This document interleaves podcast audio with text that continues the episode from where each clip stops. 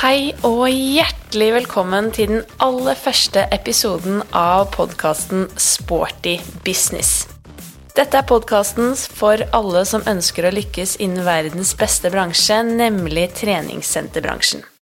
Jeg heter Eo Katrine Thomsen og driver Inspartum Akademi, og dette er en utrolig eh, spennende dag nå når første episode faktisk er live. Jeg gleder meg veldig fremover og håper selvfølgelig at denne podkasten blir tatt godt imot av dere som hører på, og gleder meg til å få tilbakemeldinger og gjerne tips til tema og gjester også fremover. Jeg vil bruke denne første episoden også til å takke noen spesielt.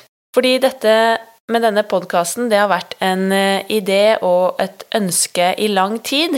Og grunnen til at dette faktisk ble en virkelighet, det er takket være Bl.a. Melina Magulas, som eh, er en av programlederne i podkasten Prestasjonsprat. For hun satte meg nemlig i kontakt med Daniel Kragseth i North Stories, som er produksjonsselskapet bak denne podkasten. Daniel er utrolig dyktig og kan alt det tekniske som jeg ikke kan, og nå jobber vi sammen med å produsere denne podkasten. Så det er jeg utrolig takknemlig for, og jeg setter sånn pris på når folk er rause og gir referanser på dyktige folk man vet man kan stole på. Så jeg gleder meg utrolig mye til denne reisen fremover. Jeg har jo spilt inn en introepisode som noen av dere kanskje har hørt, og som gir litt bakgrunn for denne podkasten og hva målet med denne podkasten er. Men jeg kom inn i treningsbransjen for tolv år siden, i 2008. Startet som instruktør på Kondis Stovner utenfor Oslo, og du kan enkelt si at jeg ble bitt av basillen fra dag én. Jeg elsket treningsbransjen, alle de herlige kollegaene, og ikke minst alle de flotte menneskene man får lov til å møte, og glede i jobben i treningsbransjen. Så jeg har et genuint ønske om at vi skal lykkes fremover, fortsette å bli bare enda råere i den jobben vi gjør, og håpe at vi kan nå ut til enda flere mennesker. Vi har hatt en eksplosiv vekst de siste 20 årene i Norge. Treningssenterbransjen har blitt bare større og større. Flere og flere jobber i bransjen. Flere og flere sentre. Og det gleder mitt hjerte. Og jeg håper at vi kan bli enda større, og ikke minst bli enda råere på det vi allerede leverer i tiden fremover. De siste årene så har jeg reist mye rundt og møtt mange ulike treningssentre og mange ulike aktører rundt om i vårt langstrakte land. Og det jeg opplever, er at mange skulle ønske at de kunne ha samarbeidet mer med andre sentre. At man kunne ha hjulpet hverandre, inspirert hverandre og delt erfaringer og kunnskap. Og dette gjelder spesielt kanskje frittstående enkelte sentre som ikke har et nettverk rundt seg som i større kjeder. Så jeg håper at denne podkasten kan være med og bidra til at vi kan knytte bransjen tettere, men ikke minst dele kunnskap, erfaringer, tanker, debattere, skape diskusjon som alle kan få lov til å ta del i. Bransjetreff det arrangeres også ofte i de store byene, og for folk som kommer fra senteret utenfor de store byene, så er det ikke alltid lett å reise inn og kunne delta på sånne ulike event, og det koster også mye hvis man må reise langt.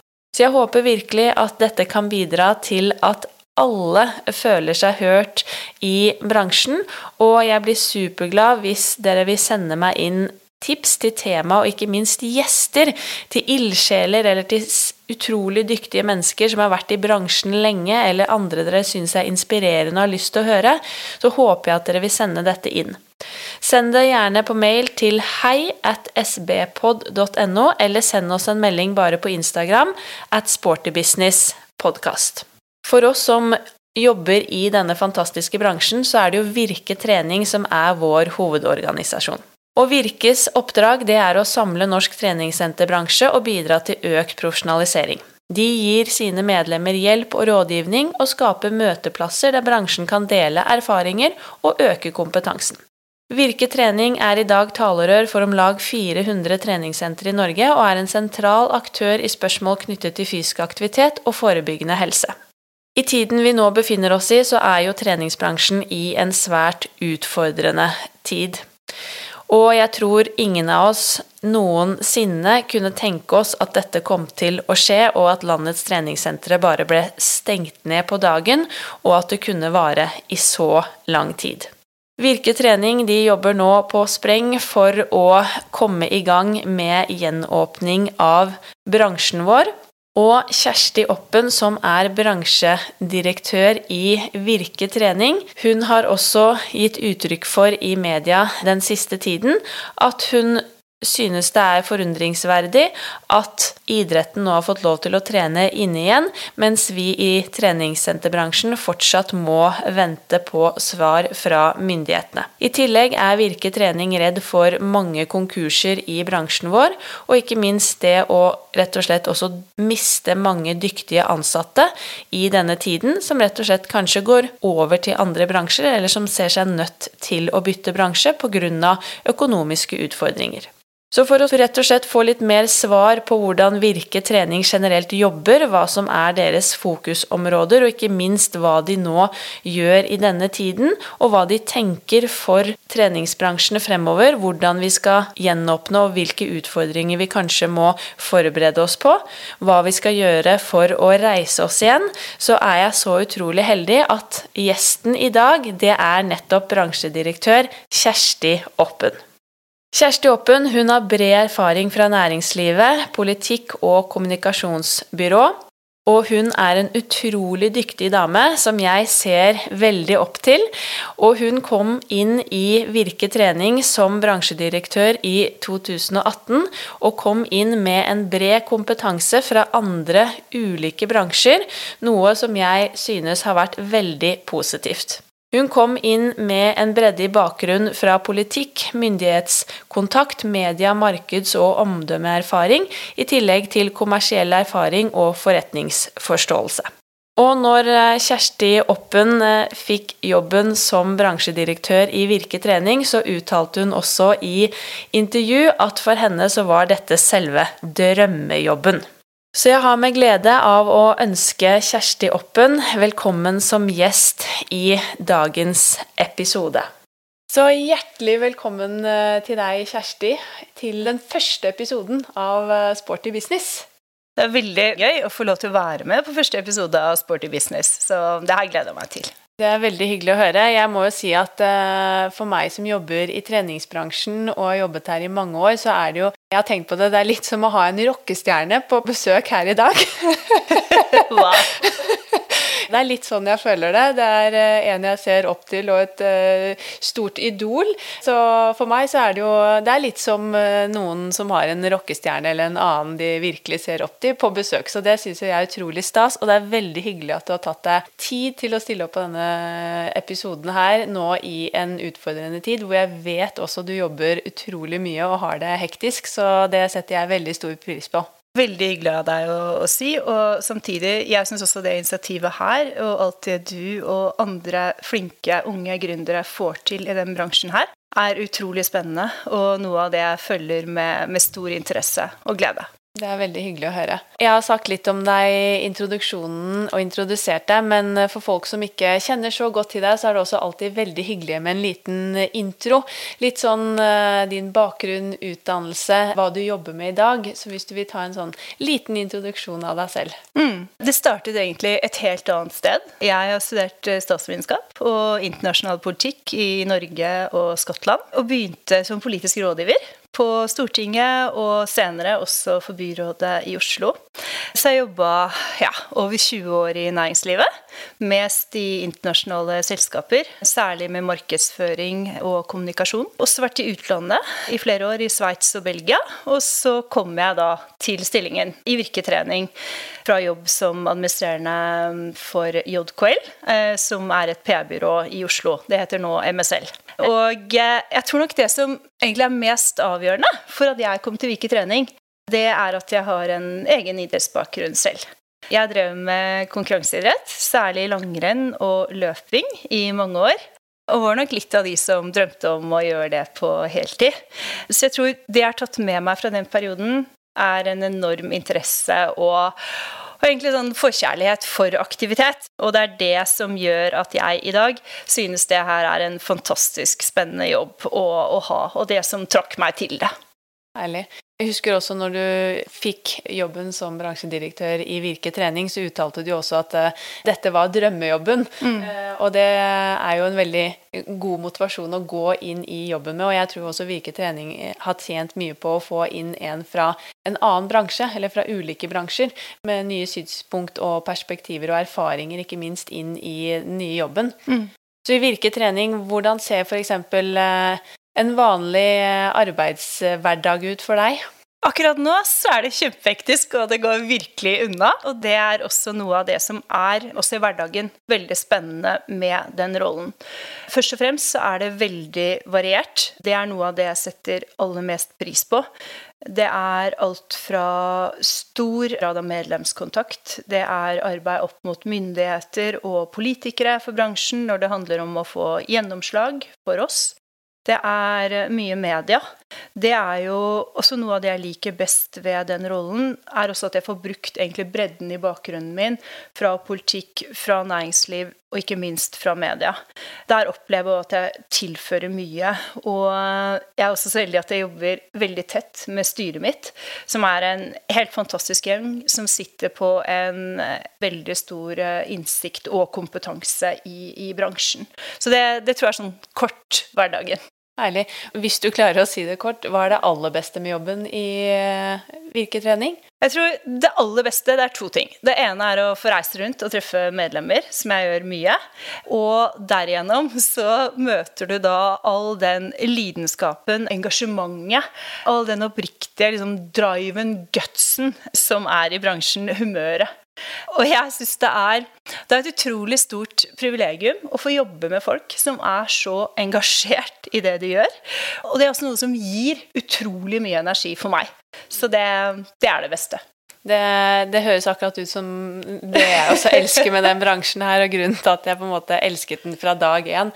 Nettopp fordi det er så mye lidenskap, og det er så mye engasjement og så mange kreative mennesker med stå-på-vilje, og det er spontanitet og lekenhet. Og det setter i hvert fall jeg også veldig stor pris på med den bransjen her. Ja. Dere i Virke trening dere er jo da talerøret for nå om lag ca. 400 treningssentre i Norge. Og det er jo hovedorganisasjonen for oss i bransjen. Og en sentral aktør knyttet til fysisk aktivitet og forebyggende helse. Men jeg tror også det er mange i treningsbransjen som kanskje ikke helt vet hvem virketrening er, mm. Eh, hva dere gjør, hva dere jobber med. Så kanskje du kan ta oss kort igjennom litt sånn hva er det virketrening til vanligvis utenfor koronatid jobber med, mm. Eh, eller hva er mm, på en måte fokusområdene? Mm. Det viktigste for oss egentlig i hverdagen er jo litt sånn innledningsvis det du kom inn på. Vi er de som organiserer treningssenterbransjen i Norge. Og derigjennom så jobber vi veldig mye med bl.a. det å få gjennomslag i politiske saker som vi er opptatt av og engasjert i, som gir rammevilkår for bransjen. Vi jobber mye opp mot media med tanke på å være synlig og være på for de tingene som er viktige for oss å få på der. Og vi jobber i utstrakt grad med myndighetene, altså enten det er Helsedirektoratet eller andre. Og for oss å si litt mer konkret om det, så er det jo sånn at et ett tema vi har satt veldig på agendaen, er folkehelse. Det å bygge treningssenterbransjen som en viktig folkehelseaktør. Det er ekstremt viktig av flere grunner. Der har vi et tett samarbeid med Helsedirektoratet. Vi jobber nå med et prosjekt som går på styrketrening og viktigheten av det for folkehelsa. Og jeg tror jeg har sett i denne perioden her hvor viktig det er å være av de som regnes som nøkkelfunksjoner, å være av de som ses som de viktige aktørene, også nå når bransjer skal gjenåpnes. Så det å virkelig bygge det videre, det er jobb nummer én i, i litt mer normale tider. Nå er jobb nummer én overalt eh, selvfølgelig å få gjenåpna så raskt som mulig. her når vi sitter og snakker sammen i dag, så vet vi jo fortsatt uh, ingenting om gjenåpning. Vi har ikke fått noen klare indikasjoner på når bransjen får lov til å åpne opp. Så vi krysser jo bare fingrene for at uh, det nærmer seg. Og vi skal jo snakke en del om det i dag, men jeg tenkte litt sånn Dere utarbeider jo årlig en stor rapport som dekker hele treningssenterbransjen. Kan du si litt om rapporten fra 2019, og hvordan den så ut? Kanskje litt sånn tall om hvor stor er bransjen vår nå? Og er det noen store endringer fra året før, f.eks.? Mm. Jeg tror sånn eh, innledningsvis så er det bare behov for å si at 2020 eh, vil dessverre bli radikalt eh, annerledes enn 2019 pga. det vi nå står i. 2019 derimot var et nytt godt år for bransjen. Vi økte omsetningen til nærmere 5,5 milliard kroner. Driftsmargin på 7% og det var en vesentlig forbedring fra 2018. Samtidig så er det verdt å merke seg at forskjellene i bransjen øker mellom de største kjedene og de frittstående sentrene. Vi har gjennom flere år nå hatt en ganske sterk konsolidering i bransjen, og den fortsetter med rask takt. Nå er det sånn at 2018 eh, var første året hvor du så flest sentre i kjeder og ikke frittstående. Og fra 2018 da til 2019 så økte det med 4% til, så nå er det 56% da, 2019 som er i kjeder. Ja. Så den utviklingen går fort. Samtidig så ser vi også at antall sentre økte fra 2018 til 2019.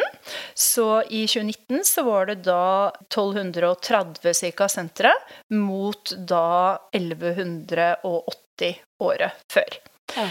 Så er det også sånn at Av de største driverne i bransjen så hadde vi en veldig sterk økning av PT-veksten altså i, i, fjor. Både altså Omsetningen knytta til den delen vokser og, og blir stadig viktigere. Så det var de viktigste trekkene fra 2018 til 2019. Mm. Vi håper jo å krysse fingrene for at vi som sagt får åpne snart. Og selv om denne rapporten selvfølgelig kommer til å se annerledes ut i 2020, så er jeg i hvert fall egentlig ikke i tvil om at vi kommer jo til å komme tilbake. Treningsbransjen har jo hatt en utrolig utvikling de siste årene, og det er så mange dyktige mennesker som jobber i bransjen. Og heldigvis så satses det også generelt mer på folkehelse, og vi jo, spiller jo en veldig stor og viktig rolle der. Så jeg tror jo også at vi kommer til å helt sikkert komme oss tilbake på de gode tallene, selv om selvfølgelig nå 2020 blir annerledes. Ja, jeg tror også det, og så synes jeg et viktig trekk nå har vært at når sentrene er stengt, så ser man også at det er oppslutning om online-trening, live-trening Man ser at det er et stort behov eh, for treningssentrene og de tilbudene vi har. Og så tror jeg det at når man nå etter hvert, endelig, håper jeg, får gjenåpne, så vil man også se en veldig stor interesse for å da få lov til å komme tilbake og, og kunne ta opp igjen den delen av treningen også. Så jeg er helt enig med deg. Jeg, jeg, tror at eh, vi må komme oss gjennom dette, og så er det alle grunner ellers til at bransjen skal fortsette å, å utvikle seg. Mm, absolutt. Vi er jo inne i nå da en helt ekstraordinær situasjon og hverdag som eh, jeg tror ingen av oss kunne, hadde noensinne tenkt på at vi kom til å oppleve, for å si det sånn. Og det har jo vært veldig spesielt. I starten så ble man jo tatt litt på senga og tenkte kanskje at dette ikke kom til å vare så lenge, og så har det jo vart og vart, og nå har det kommet til det tidspunktet hvor i hvert fall vi i treningssenterbransjen er veldig ivrige på å åpne opp. Men altså, den fysiske helsen er jo veldig viktig også for den mentale helsen, så jeg også er jo veldig opptatt av at vi snart må få lov til å komme i gang. Men sånn som helhet, hvordan eh, har dere sett at uh, denne covid-19-situasjonen har påvirket bransjen, og hva er det dere har sett på som er de største utfordringene for bransjen vår nå? Jeg tror altså, Den klart største utfordringen akkurat nå er jo at vi ble stengt 12.3 og fortsatt er stengt. Det gjør at mange sentre nå er i en veldig tøff uh, situasjon økonomisk. Og jo lenger bransjen er stengt og ansatte er permittert, jo større fare er det jo dessverre også for at mange da ikke har en arbeidsplass å gå tilbake til. Så tror jeg at det å ikke ha en konkret dato for gjenåpning å forholde seg til, det gjør at man ikke har noen form for forutsigbarhet. Mm. Og det skaper nå store utfordringer når det kommer til planlegging, det kommer til arbeidsplasser, det kommer til egentlig alt du er helt avhengig av når du har din egen bedrift. Heldigvis så har vi kompensasjonsordningen som vi har fått på plass, som hjelper noe. Men selvfølgelig så vil jo, vil jo aldri kunne erstatte altså normal drift. Så en gjenåpning, det er eh, egentlig nå det eneste som virkelig kan hjelpe bransjen. Og dere har jo eh, jobbet nå med en ny bransjestandard for gjenåpning, som også ble sendt inn til myndighetene 15.4, var det vel? Ja. Som eh, vi nå venter spent på svar på, eller litt tilbakemeldinger rundt. Og jeg har lest uh, igjennom denne bransjestandarden, og dere har gjort et veldig godt og grundig arbeid, syns jeg, og veldig detaljert i forhold til hvordan vi kan åpne bransjen på en trygg og sikker måte. Mm. Kan du ta oss litt igjennom denne nye nye bransjestandarden for eh, treningssentrene, som sikkert mange er nysgjerrig på, og som vi alle også trenger å sette oss grundig inn i. Mm. Kort fortalt, jeg syns du sa det veldig godt, så oppsummerer standarden hvordan vi kan gjenåpne på en trygg og sikker måte. Den tar egentlig for seg hvordan vi kan gjøre dette som, som, mens vi samtidig ivaretar de pålagte smittevernhensynene. Deler av arbeidet med den standarden bygger på den erfaringen som lå til grunn når SATS eh, gjenåpnet eh, sine sentre i Sverige etter først å ha stengt ned. Og det er viktig å si, for selv om svenskene har en annen strategi, eh, så påla SATS seg der strenge smittevernhensyn når de gjenåpna. Vi har også erfaringen som både de og EVO har fra Finland, hvor de har vært åpne hele perioden, men med strenge smittevernhensyn. Grunnen til at jeg sier jeg er opptatt av det, det er det at vi, i motsetning til andre bransjer som er gjenåpnet, faktisk har erfaringen med å stå i det og gjøre det. Og det har vært utrolig viktig når det kom til arbeidet med det utkastet vi har levert til standard. Nå er Det også sånn at det handler for oss veldig mye om at medlemmene skal føle seg trygge og ivaretatt når de kommer tilbake til oss de skal vite at vi håndterer dette på en måte som gjør at de kan føle seg ordentlig komfortable. For å gå litt mer inn i detaljene, så har vi sett på ulike områder. Det gjelder ansatte og personlige trenere. Det gjelder renhold, det gjelder drift av sentrene, medlemmer, garderober og selvfølgelig organiseringen både av gruppetrening og personlig trening. Og et siste viktig punkt som vi også er opptatt av, det er nettopp dette med kommunikasjonen til medlemmene og samfunnet for øvrig om hvordan de kan gjenoppta trygg og sikker trening. Det er nøkkel her, skal dette bli, bli vellykka. Så tror jeg også at hvis du skal helt ned i det, så er det viktig å si at dette går på ting som renhold, desinfisering. Det går på avstand. Det går på å begrense antall medlemmer på senteret samtidig. Det går på tiltak i en startfase, som kan være å stenge garderober, badstuer. Og det går også på at hvis man fortsatt skal ha, ha åpent for eldre, så man, har vi sett på, kan man ha egne treningstider for de osv., som gjør at det kan bli særlig ivaretatt. Når det gjelder et område jeg vet du er veldig opptatt av, gruppetrening, så går det mye på da å redusere antall deltakere i klassene. Det går på å ha opphold mellom hver gruppe, så du unngår det at liksom mange medlemmer står der samtidig i en sånn overlappingsfase. Og det går på selvfølgelig at man ikke deler eller benytter samme utstyr. At klasser med kroppskontakt, sånne ting kuttes helt ut. Og igjen veldig, veldig grundig renhold og vask mellom hver gruppe. Så det, det er liksom i korthet Altså, jeg kunne snakket om denne standarden lenge, men, men dette er, er hovedtrekkene. Ja, når jeg også leste gjennom den, så syns jeg den var ja, jeg synes den var grundig gjennom, gjennomarbeidet og tenkt på veldig mange ulike deler. Og jeg tenker jo også spesielt dette med at man må begrense antall mennesker på senteret, er jo kanskje den største utfordringen vi også har, spesielt med egentrening i studio, mm. hvor folk bare egentlig kan komme. Ja. Og da også sto det jo i bransjestandarden dette med eh, mulighet for å Altså at man kan booke booke egentlig f.eks. egentrening i studio på lik linje som vi booker gruppetrening. Ja. Og jeg tenker jo at veldig mange store sentre eller større eh, sentre har jo automatiske eller bookingsystemer allerede på plass som de bruker på gruppetrening, som kanskje da er mulighet for å rett og slett legge opp bare booking for egentrening. Men så er det jo kanskje mange mindre senter, de har fortsatt ikke noe bookingsystem. Det er lister du skriver deg på når du kommer på mm, trening f.eks. Har dere noen råd og tips eh, til disse sentrene, eller har dere, hvordan jobber dere med medlemskommunikasjonen nå i disse tider? For jeg tenker det er sikkert mange som også nå trenger hjelp og råd i forhold til hvordan skal de få til dette her, hvis vi nå får lov til å åpne opp. Selvfølgelig. Og jeg tror det er to-tre ting som er viktig å si der. Det ene er at dette er et utkast, og grunnen til at vi har valgt å prioritere å få det over raskt, altså allerede 15. april, det er veldig mye det at vår erfaring er at når vi kommer med det, så er det mye lettere for myndighetene og politikerne å ta tak i det, for man har et utgangspunkt som dette er. Mm. Så er du inne på veldig viktige problemstillinger knyttet til dette med bookingsystemer osv. Der må vi selvfølgelig se nærmere på hvordan kan vi løse dette godt for alle. Det har vi ikke på plass ennå, men det er ting som nå må avklares og komme på plass. Når det gjelder medlemskommunikasjon, så er det også sånn at vi til uken kommer til å invitere alle til et digitalt eh, medlemsmøte, hvor vi kommer til å gå igjennom nå kort hvordan vi har jobbet. Det er også formidlet i nyhetsbrev og den type kommunikasjon. Men hvor vi da også i møtet kommer til å sørge for å ha en chat hvor alle kan sitte og skrive inn de spørsmålene de har.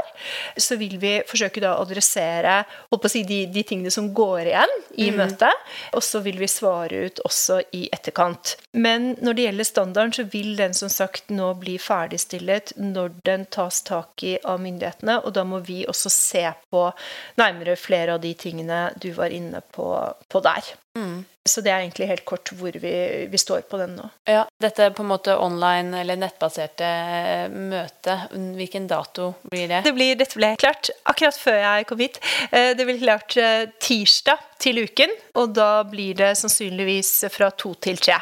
Ja, Så det blir da 5. mai, samme dag som faktisk denne episoden også skal publiseres. Ja, det gjør det. Ja. Og da kommer vi nå til å sende ut en invitasjon til alle um, senere i dag. Jeg eh, vil bare oppfordre så mange som mulig til å bli med. Bruke muligheten til å stille spørsmål og ta det som er. Fordi det er noe med at uh, nå er det naturlig nok et kjempebehov for informasjon. Så da prøver vi virkelig å komme det i møte, sånn at alle skal oppleve at det er uh, Du får stilt de spørsmålene du har, du skal få svar, og vi skal ta ta tak i dette så godt vi bare kan. Mm, kjempebra. Og dette er åpent for alle, uavhengig om man er medlem i Virke? Det vil, det vil, jo være sånn, fordi det handler om at vi sitter jo da på um, mailinglister som er knytta til medlemmene ja. våre. Så det vil eh, i utgangspunktet da bli sendt til våre medlemmer. Vi vet jo per i dag ennå ikke noe om når vi får åpne, så vi må jo bare vente i spenning og se. Men fra vi åpner opp, men også kanskje litt mer sånn på lang sikt da, fremover så kommer det til å bli store endringer for oss som er vant til å jobbe i bransjen. Vi må jo forholde oss til mye nytt. Hvordan ser du for deg sånn litt generelt at uh, sentrene kommer til å måtte driftes i tiden fremover? Mm. Det som er utgangspunktet for bransjestandarden, det er at vi skal håndtere de smittevernhensynene som myndighetene da til enhver tid pålegger. Det betyr at i starten så er det som du sier, standarden er grundig når det kommer til dette med å overholde reglene som gjelder nå, for å holde avstand, renhold, redusere antall som trener eller er på senteret samtidig osv. Så, videre. så håper vi selvfølgelig at denne perioden vil bli begrenset, og at vi etter hvert kan gå tilbake til mer normal drift. Men erfaringen vår viser likevel at vi, vi, kan også håndtere situasjonen slik den er nå. Og det er hovedårsaken til at vi gjerne vil gjenåpne for medlemmene og for alle ansatte i, i bransjen. Men Kortversjonen er at vi må starte der vi er nå. Så ønsker vi selvfølgelig å, å kunne åpne opp for mer etter hvert som det eh, blir tillatt, i form av at smittevernhensynene forhåpentligvis på sikt blir annerledes enn de er nå. Men det er de vi til enhver tid må følge. Mm. Vi har jo ikke noe dato, men har du noen tidslinje eller noen tanke om eh, Har du noe, noe å dele med oss med tanke på fremdriften eh, i forhold til gjenåpning? Det Vi har gjort nå er at vi har jo veldig tett kontakt med Helsedirektoratet. altså Mange møter hver uke. Det samme med politisk ledelse i Helse- og omsorgsdepartementet. og det, det, betyr i praksis også en dialog med helseminister Bent Høie og hans rådgivere. Det vi har fått på plass nå, er en tidslinje fra direktoratet som sier at de mest trolig 7. mai vil komme med to ting. En evaluering av de bransjene og tilbudene som nå er gjenåpna, og da også mulige nye gjenåpninger. Jeg må bare si at det er en antyda dato, men vi jobber nå knallhardt inn mot 7. mai og gjør alt vi kan, altså dvs. Si politisk, inn mot myndighetene og mediemessig for å skape trykk rundt bransjen. Slik at når neste runde da kommer, så er vårt mål at vi skal være med i den runden som vil komme sannsynligvis 7. mai om gjenåpninger. Og igjen, altså vi er som bransje klare til å gjenåpne på en trygg og sikker måte. Vi har levert utkastet til bransjestandard, og da må Bent Høie komme på banen og klargjøre for en snarlig gjenåpning. Det er målet vårt, det er det vi jobber etter. Og så blir det veldig spennende å se 7. mai. Hva kommer da? Absolutt. Så vi krysser fingrene, men jeg syns jo det er veldig fint også å se at eh, dere har vært såpass synlig også i media nå, egentlig spesielt den siste kanskje uken. For det hjelper jo veldig på å løfte frem hvilke, hvor viktig det er for bransjen at også vi får lov til å begynne å åpne nå etter hvert. For det har tatt lang tid, og dette er jo selvfølgelig en ekstraordinær situasjon som har vært vanskelig for absolutt alle bransjer. Så det er jo ikke noe forskjell der, men det er jo like viktig for oss og alle våre ansatte at vi får lov til å begynne å gjenåpne. Altså jeg er helt sikker på at jo sterkere medietrykk du har nå, jo bedre er det. Så vi kommer til å kjøre på enda hardere og mye hardere. Nå særlig i første omgang da den første uken, som egentlig er det vinduet jeg ser frem til 7. mai, og osv. For det, vi er veldig opptatt av nå å få frem både situasjonen man står i, eh, det at man er eh, klar for å kunne gjenåpne på en trygg og sikker måte. Og også faktisk vår betydning for folkehelsa. For det er noe med at det å holde sentrene nedstengt også, det har også store negative konsekvenser for folkehelsa. Så rundt disse områdene så kommer det til å komme opp mange saker nå, både fra oss og fra de ulike aktørene i bransjen i løpet av neste uke og videre. Så, så det, det, skal vi holde, sørge for å holde veldig, veldig godt trykk på nå fremover. Veldig bra. Og det er jo som du sier, det er jo ekstremt viktig for folkehelsen. I tillegg så har jeg jo lest nå det siste i intervjuet med deg også, at dere frykter for om lag kanskje 120 konkurser hvis vi må være nå stengt i lang tid fremover. Og i tillegg så har du jo uttalt at man er jo redd for å miste mange dyktige ansatte også, til andre bransjer f.eks. i denne tiden. Så det er jo veldig mange ting dette her virkelig går utover. Og jeg tenker det er jo mange nå ansatte som generelt er usikre på fremtiden. Ja. En del har jo sentre som de kanskje er ansatt i og er nå er permittert, kanskje får støtte og får dagpenger på en måte, og blir på en måte tatt imot med en gang vi kan åpne opp igjen. Men veldig mange er jo også selvstendig næringsdrivende i denne bransjen og står helt alene, eller driver selv f.eks., og ikke ja. har det støtteapparatet rundt seg. Har du noe råd til på en måte de ulike aktører i bransjen, eller hvilke støtteordninger kan man søke på f.eks.? Eller mm. har du noen generelt gode tips og råd til de som kjenner på denne ekstra usikkerheten? Mm. Jeg tror det som på bransjenivå har vært viktig, det var å få på plass den kompensasjonsordningen som kom. Det jobba vi veldig hardt for, og den ble mye bedre enn det det en stund så ut for at den skulle bli. I praksis så vil den for sentrene dekke da opptil 90% av faste kostnader i perioden som de er pålagt nedstengt. I første omgang da for mars, april og mai. Så jeg vil bare sånn, Når det kommer til sentrene, oppfordrer alle om å søke den støtten de har krav på, gjennom ordningen. Og det vil iallfall hjelpe noe. Når det kommer til, som du var inne på, eh, det at også mange er selvstendig næringsdrivende, så gjorde vi et arbeid der med tanke på å få på plass en bedre dekning, altså i forbindelse med permitteringer og det at man ble arbeidsledig, som også gjaldt ikke fast ansatte, altså frilansere. Og det vet vi har hjulpet mange av PT-ene, og det også ble en vesentlig bedre kompensasjon enn det som først var foreslått. Så ser jeg, akkurat som du påpeker, at jo lenger dette varer, jo vanskeligere vil det være og vil det bli økonomisk. Det er en, en situasjon som, som er veldig krevende. Mm. Det, er, det, er, ingen tvil om det. Og til det du sa om, eh, om, at mange nå er redd for å miste flinke ansatte, så har jeg lyst til å si at en av hovedutfordringene der er forskjellsbehandlingen opp mot f.eks. idretten. Det vi får mange tilbakemeldinger om nå, det er at eh, de som er tilknytta senteret, enten de er ansatt eller selvstendig, de får nå lov, og det er jo positivt, men altså, de får nå da lov å jobbe igjen for halvprofesjonelle eller helprofesjonelle idrettsklubber. Og mange tar da helt naturlig så mye jobb du kan der, men det betyr samtidig at hvis vi da blir stående og er stengt, så mister vi da mange av våre flinke ansatte pga. den forskjellsbehandlingen. Så det er også noe av det vi har tatt opp mange ganger nå med myndigheter og politikere. Vi kommer til å gå ut i media på det i enda større grad. For det gjør jo at mens vi da har sittet som bransjeorganisasjon, jobbet masse med å få på plass en bransjestandard for PT-utdanning, vi har jobbet mye med ansettelsesforhold osv., så, videre, så ser man nå da at de forsvinner.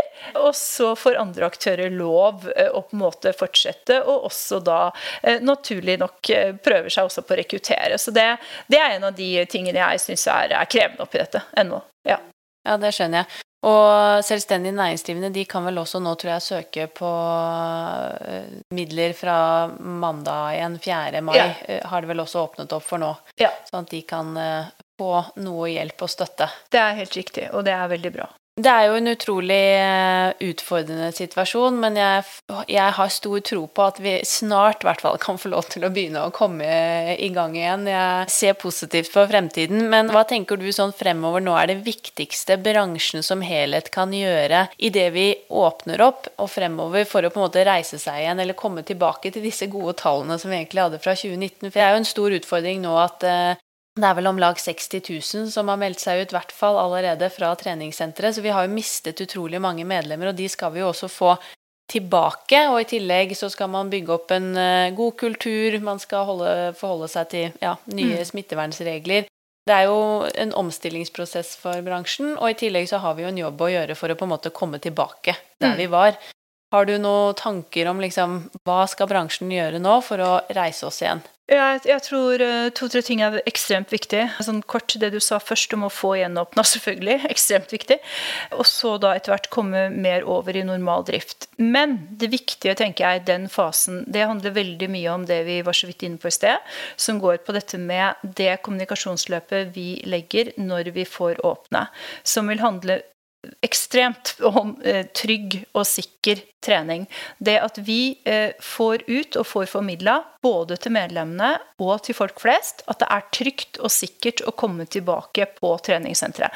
Det tror jeg er helt nøkkel her for at folk skal ha lyst til å komme tilbake, og, og gjør det i stor grad. Så det er ekstremt viktig i den fasen så tror jeg, som jeg også var inne på før her, at det å fortsette det arbeidet vi har begynt på, som går på å bygge oss enda sterkere som en folkehelseaktør, er ekstremt viktig. Vi er veldig godt i gang med det. Og så har denne perioden i tillegg overbevist meg om at dette er viktig videre. Som jeg sa, så handler det om at slik det er nå, så ser vi også at bransjer gjenåpnes i stor grad etter hva som ses som samfunnsviktige funksjoner. Og da tenker jeg at det er så viktig å få frem hvor viktige vi er i folkehelsearbeidet. Bare sånn for å gi deg noen enkle tall. Altså én av tre nordmenn er medlemmer av et treningssenter.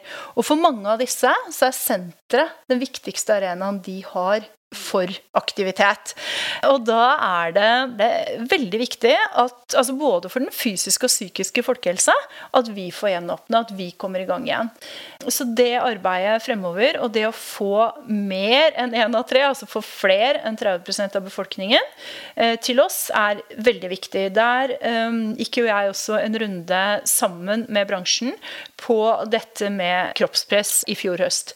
Mye av årsaken til det er at jeg er veldig opptatt av at ikke bare de som i utgangspunktet eh, føler seg komfortable hos oss, kommer til oss, men at man føler at dette er en arena det er ålreit å være på, og hvor alle føler seg velkommen. Absolutt, og som du sier, så i forhold til dette her hvor samfunnsviktig det er, så er treningssenter, eh, eller treningssentrene ikke bare viktige pga. treningen, men også fordi det er en sosial arena for folk. Og for mm. mange så er det viktig bare å komme på trening, møte andre mennesker. gruppetime gruppetimer f.eks., eller møte med PT-en er kanskje høydepunktet i løpet av uken. Jeg har hatt mange sånne eksempler selv. Jeg husker jeg hadde en som alltid var med på dansetimene mine mm. i SIO Atletica. Og hun var eh, utvekslingsstudent, men så hadde hun begynt å jobbe her. så hun hadde hadde endt opp i Norge, men uh, mener hun kom fra Ungarn og syntes jo det var litt vanskelig uh, å komme inn i det norske mm. samfunnet. Og hun sa at, uh, og spesielt den mørke vinteren i Norge, og liksom føle seg litt alene, så hadde disse timene med meg i løpet av uka, det var det som hadde fått henne gjennom vinteren. Mm. Og det husker jeg, det syns jeg var så utrolig hyggelig, selvfølgelig, sagt, og at hun deler det med meg, men da blir man også veldig ydmyk i forhold til den rollen man har, og den påvirkningen man har på mennesker. Mm. Og det tenker jeg det er jo utrolig utrolig viktig også nå. Altså Vi spiller en utrolig stor rolle for veldig mange mennesker. Og selv om man kan trene ute og holde seg aktiv, så tenker jeg også det er mange som de vet ikke selv hva de skal gjøre, og de sliter også å motivere mm. seg på egen hånd. Så det er ikke like lett å trene ute eller holde seg i gang. Så jeg også krysser jo nå bare fingrene for at vi kan få lov til å åpne opp igjen. Fordi det er, det er viktig for veldig, veldig mange. Ja, jeg tror også det du sier eh, knytta til også psykisk helse. For mange er dette dagens høydepunkt. For mange, Jeg ser moren min savner treningsstudio, og, og, egentlig mest den gruppen eh, hun pleier å trene med der. Utrolig mye nå. Så jeg, jeg tror det, det, er noe med folkehelse er mye. og den biten eh, er også veldig, veldig viktig. Så, så, så, jeg håper at vi nå klarer å komme dit at vi, eh, vi nå veldig snart kan få gjenåpne. Absolutt. Jeg håper og tror denne episoden også kan eh, gi folk både litt bedre innsikt i hva dere i Virke trening eh, jobber med generelt, men også litt nå om gangen og hva som skjer videre, også da denne nye bransjestandarden. Så jeg håper og tror at veldig mange vil sette pris på denne episoden. Så det blir utrolig bra. Og så må vi jo nå bare vente da fra denne nå episoden går live, så er det da to dager til vi forhåpentligvis får noe mer svar den 7. mai, eller indikasjoner i hvert fall, på hva som kanskje skjer fremover, sånn at vi kan få noe å forholde oss til og få det litt mer forutsigbart. Ja. Jeg pleier jo å omtale treningssenterbransjen som verdens beste bransje, ja. Eh, og stortrives i denne bransjen. Så hva tenker du er det aller beste med vår bransje per i dag? Jeg syns det beste er eh, lidenskapen og engasjementet som så mange ansatte, eiere altså Uansett hvilken måte du er knytta til denne bransjen på, så har jeg opplevd det som helt, helt unikt. Og det er også noe som gir meg veldig mye energi i jobbhverdagen. Jeg har tidligere jobba som konsulent for mange forskjellige bransjer, og det, det bare slår meg at dette er, det er helt spesielt. Så jeg, jeg, skjønner hva du sier når du syns at dette er verdens beste, beste bransje. Det, det syns jeg jo, og det, det, var mye av grunnen til at jeg, jeg ville hit også. Mm. Ja, det er veldig mye passion i vår bransje, vil jeg si. Ja, det, vi kan jo alltid bli bedre, uansett hva man gjør og hvilken bransje det er snakk om. Og jeg har også mange tanker selv, selv om jeg sier at dette er verdens beste bransje, så er det mye jeg tenker vi også kan bli bedre på. Hva tenker du at vår bransje kan bli dyktigere på, eller hva vi kan utvikle oss innen i årene fremover? Mm. Jeg, tror, eh, jeg, tror, for meg, da, eh, så, så, er det det at eh, det er utrolig mye energi og egenskap, engasjement og, og du vet. Men jeg tror det kunne være viktig å få mer kunnskap kunnskap om den, den mer forretningsmessige siden av både senterdrift og også det å ha eget uh, selskap. Her tror jeg mange savner også påfyll og kunnskap. Og det er noe vi som bransjeorganisasjon har merka oss. Og før alt dette skjedde, på bakgrunn også av treningsrapporten siste år, så er nettopp det noe av det vi har begynt å se på og ta tak i. Så det er nok det området jeg særlig ser. Mm, det er jeg veldig enig i, også fordi det da er mye passion og lidenskap. Så har i hvert fall jeg også kjent på det opp gjennom årene at det er veldig lett å ja, bare si ja og ha, og følge liksom bare kaste seg ut i ting. Og så til slutt så kommer man jo dit hen at man gjerne f.eks. også vil ha betalt for den jobben man gjør, ja. eller bli satt pris på, eller at det, liksom, det faglige kanskje kan få enda litt større plass, og generelt senterdrift. Og det er nok mange som Ja, det er så mye passion da, og lidenskap, og vi syns det er så gøy i denne bransjen at vi, jeg tror nok mange av oss glemmer litt den businessdelen, og mange kommer jo eh, fra f.eks. idrettshøyskolen eller andre steder hvor man har studert idrett eller trening. Og mm. sånn som jeg har gått fem år på idrettshøyskolen, og det jeg, det jeg mangler, er business, for å si det sånn. Så mange skulle nok hatt noe mer kunnskap om det. Ja, jeg tror også til det du sa om at jeg kommer jo utenfra bransjen sånn sett. Og det er noe av det som har vært blitt uh, tydelig for meg også. Så, så, jeg håper og tror at der òg kan vi etter hvert bidra mer for, for, å løfte det, og for å også kunne komme med tilbud der som kan gi, uh, gi økt kompetanse. Absolutt. Det tror jeg vi blir veldig verdsatt også av veldig ja. mange i bransjen. Og helt til slutt, har du noen tips om noen du kunne ønske å høre som gjest i podkasten Sporty business fremover? Ja, jeg tror akkurat nå så hadde jeg ønsket meg Bent Høie. det det syns jeg har vært interessant. Eh, også fordi at han, eh, han er jo eh, et, en godt Han er jo også med og trener på senter selv, så jeg tenker det hadde vært interessant å høre hans egne perspektiv. Mm. Så tror jeg ellers at både personligheter som Birgit Skarstein som holdt et veldig eh, inspirerende foredrag på vår siste mm, treningssamling, altså i høst, for bransjen. Og Ole Petter Gjelle syns jeg er, mm, er, veldig interessante profiler. De har begge på sin måte spennende perspektiver for bransjen, og med hver sin inngang. Det går på egentlig både hvordan vi som bransje kan bli mer inkluderende, og det går på dette med ikke sant, hvordan fysisk trening også påvirker det mentale mentale og hjernen. Og jeg tenker jo da igjen tilbake til det jeg sa om folkehelse. At det å få den type perspektiver og innganger mm. opplever jeg som ekstremt verdifullt for oss som bransje. Så de to er i hvert fall to jeg vet du kunne hatt veldig spennende samtaler med.